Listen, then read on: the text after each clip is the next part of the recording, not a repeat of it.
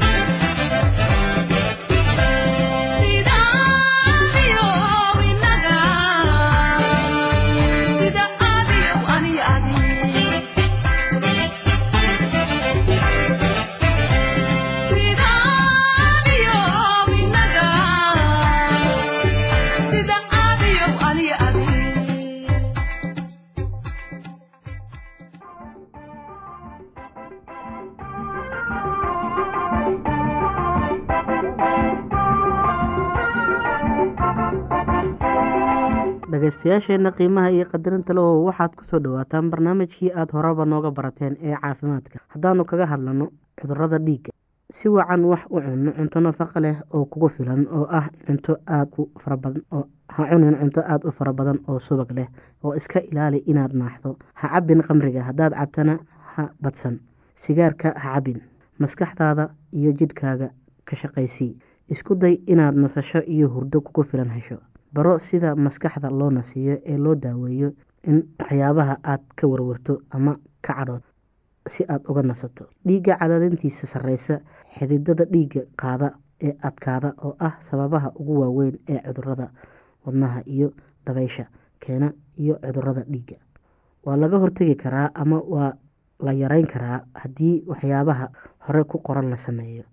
Hoos udegidda dhiigga cadaadintiisa sarreysa waa in lagama maarmaan ka hortegidda cudurrada wadnaha iyo dabeysha keena inta badan waa laga hortegi karaa ama waa la yareyn karaa haddii waxyaabaha hore ku qoran la sameeyo. Hoos udegidda dhiigga cadaadintiisa sarreysa waa in lagama maarmaan ka hortegidda cudurrada wadnaha iyo dabeysha dadka dhiigooda cadaadintiisu sarreyso waa in la eegaa marmar waa inay qaataan tallaabooyinka hoos ugu dhigayaan cadaadinta dhiigooda kuwa hoos u dhigi kari waaya cuntooyinka yareeyaan haddii ay naaxsan yihiin sigaarka oo ay joojiyaan dhaqdhaqaaq badan oo ay sameeyaan maskaxda oo ay nasiyaan. Daawooyinka dhiigga cadaadintiisa hoos ugu dhig ayaa laga yaabaa inay wax u taraan. Tusaale waxaa jira laba nin oo mid kala aroortii shaqada ayuu u kalahaa waa beeraley. Midna baar qamri ah ayuu leeyahay oo subaxii qamri iyo sigaar ayuu isku daraa. Wax nafaqa leh ma cuno ka kalena waqti walba kama habsaamo cuntada wax nafaqa leh ayuu cunaa. Marka labada keebaa jiran og dabeysha cudurkani waxaa sida qaalibka ah u sabab ah xinjir ama dhiigid maskaxda ah. Cudurkani isaga oo aan wax digniin ah ka soo horeyn ayuu yimid. Ayuu yimaada qofka waxaa laga yaabaa inuu marka kali ah suuxo oo dhulka ku dhaco wejigiisa oo tabadan casaan ayuu u egyahay. Neefsashada xabeeb ayay leedahay. Hadii haddii wadnihiisu garaacidiisu aada u badan tahay waana dhaqso yar tahay. Waxaa laga yaabaa inuu qofka suuxsanaado saacado ama maalmo dhan. Hadduu noolaado waxaa laga yaabaa inuu qofka dhibaato hadal ama hadalka aragga garaadka ah uu yeesho ama wejigiisa ama jidhka dhinacu qaloocsamo dabeysha yar waxaa laga yaabaa inuu keeno dhibaatooyinka qaarkood iyo iyadoo suuxdin ama marmar ay marmar ay ladnaadaan. Dhibaatooyinka dabeysha keentaa marmar muddo laga joogo daweynta. Jiifi qofka iyada oo madaxiisa yar cagihiisa ka sareeyaan haddii uu suuxsan yahay. Madaxiisa dib oo dhinac u celi si candhuufta ama hunqaacada ay uga soo baxdo afkiisa oo aan u gelin sambabadiisa inta uu miyirka la-yahay ha ka siin afka wax cunto ah ama cabid ama dawo. Eeg qofka miyir kala hadday suuragal tahay doono gargaar dhakhtarnimo. Haddii marka dabayli dhacdo qofka geesi curyaansan tahay ku gargaar in uu ku tukubo oo gacantiisa bad qabta isku daryeelo. Waa in iska ilaaliyo dhaqdhaqaaqa culus iyo cadhada ka hortegida haddii qof yari ama qof meel dhexaad ahi mar uun ku curyaamo dhinaca wejiga iyada oo calaamadihii kala jirin. Tani waxay u dhowdahay curyaamidda aan raagin ee xididka dabka ee wejiga sida qaalibka ah. Iskeed ayay isaga tagtaa dhowr toddobaad ama dhowr bilood.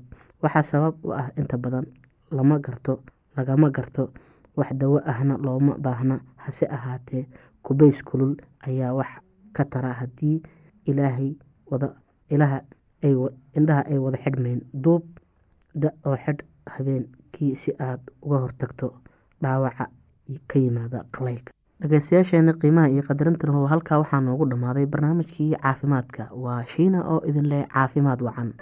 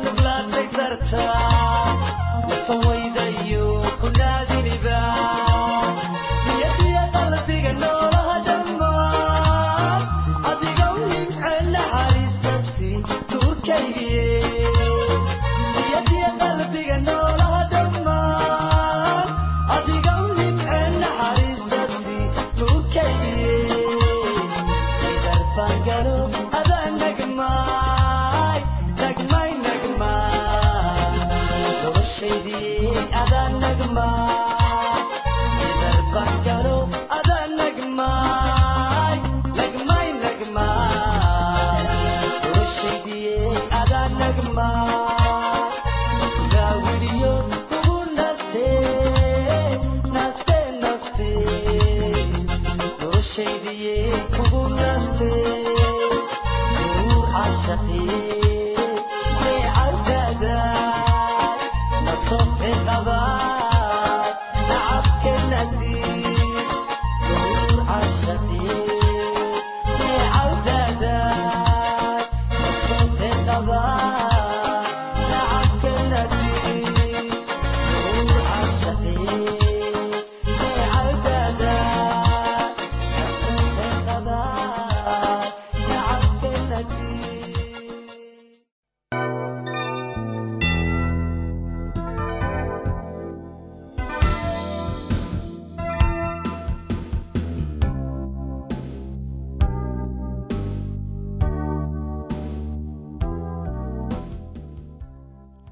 ma jirto hab naxariis leh oo fudud oo aad uga tegi karto waa furniinka e qof aad xiriir joogto ah lahaydeen marka labada qof oo weligooda isdaryeelayay ay isfurayaan silac iyo rafaadka soo gaaraya inta uu baaxad la eg yahay waxa ay ku xidhan tahay heerka uu xiriirkoodu gaarsiisnaa laakiin midkooda waxa uu samayn karaa hab uu ku dejin karo dharbaaxada tan isaga oo ka hortegaya dhibaato xoog leh oo soo fool saarta wakhtiga xaaladaha xun lagu jiro. Weliga haddii aanay ku soo marin waayo aragnimada furniinka waxaa hubaal ah inay ku soo mari doonto maalin uun sidee baad haddaba u xamili doontaa marka qof aad jeclayd oo aad si wanaagsan u dhaqaalaynaysay kuu sheego inuusan mar dambe doonayn xiriirka aad wada leedihiin ee jacaylka ah. Waxaa jira habab sharaf leh oo aad uga badbaadi kartid haddii aad furniinka ku xalin kartid hab wanaagsan oo deggan sumcadaada iyo wejigaada ayaa badbaadaya. Haddii kale furniinku waxa uu noqon karaa wasaq dhacdooyin fool xun oo labadiinaba idin wasaqeeya ayuu abuuri karaa. Haddaba doorashadu idinka ayay idinku xiran tahay. Haddii aad dareemaysid in wakhtigaad kala tegi lahaydeen timid sababaha aad haysatid si taxadar leh u eeg oo fiiri inay yihiin kuwo u qalma kala tegitaanka qofka aan wax garadka ahayn waxaa laga yaabaa inuu xiriirkiisii soo jiro isaga oo sabab uga dhigaya in qofka ay wada joogaan uusan baahidiisa dabooli karin. Runtii waa arrin iimaan daro ah markii aad xiriir u goysid baahidaada oo la dabooli waaye awgeed. Qofkaasi aan waxgaradka ahayn waxa uu ku fashilmay inuu arko in laftiisu ay mas'uuliyad ka saaran tahay xiriirkan laakiin waxa uu fudayd u arkaa eedeynta qofka kale intii uu qaladkiisa aqbali lahaa haddaba qofkii waxgaradka ahaa waxa uu goosanayaa inuu soo gebagabeeyo xiriirkii intii uu waajihi lahaa dhibkan isaga ah. Qofka kale oo cusub ayaa raadsanaya kana waxa uu ka tegayaa isaga oo yaaban oo calool xun. Qofka waxgaradka ah waxa uu wajahaa xiriirka inta leh ee aan loo bogin wuxuuna eegaa inuu xamili karo ama uu la imaanayo iyo in qofka ay wada joogaan ku kala tagaan kuwa aan aadaabta lahayn sharafna aan ka lahayn bulshada dhexdeeda waxaa dhici karta inay isfuraan oo sidaa ku kala tagaan oo ay haddana mar kale is arag. Laakiin dareen la'aantan iyo naxariis la'aantan laga jarayo xiriirka muddada socday waa mid aan u roonayn labada dhinacba.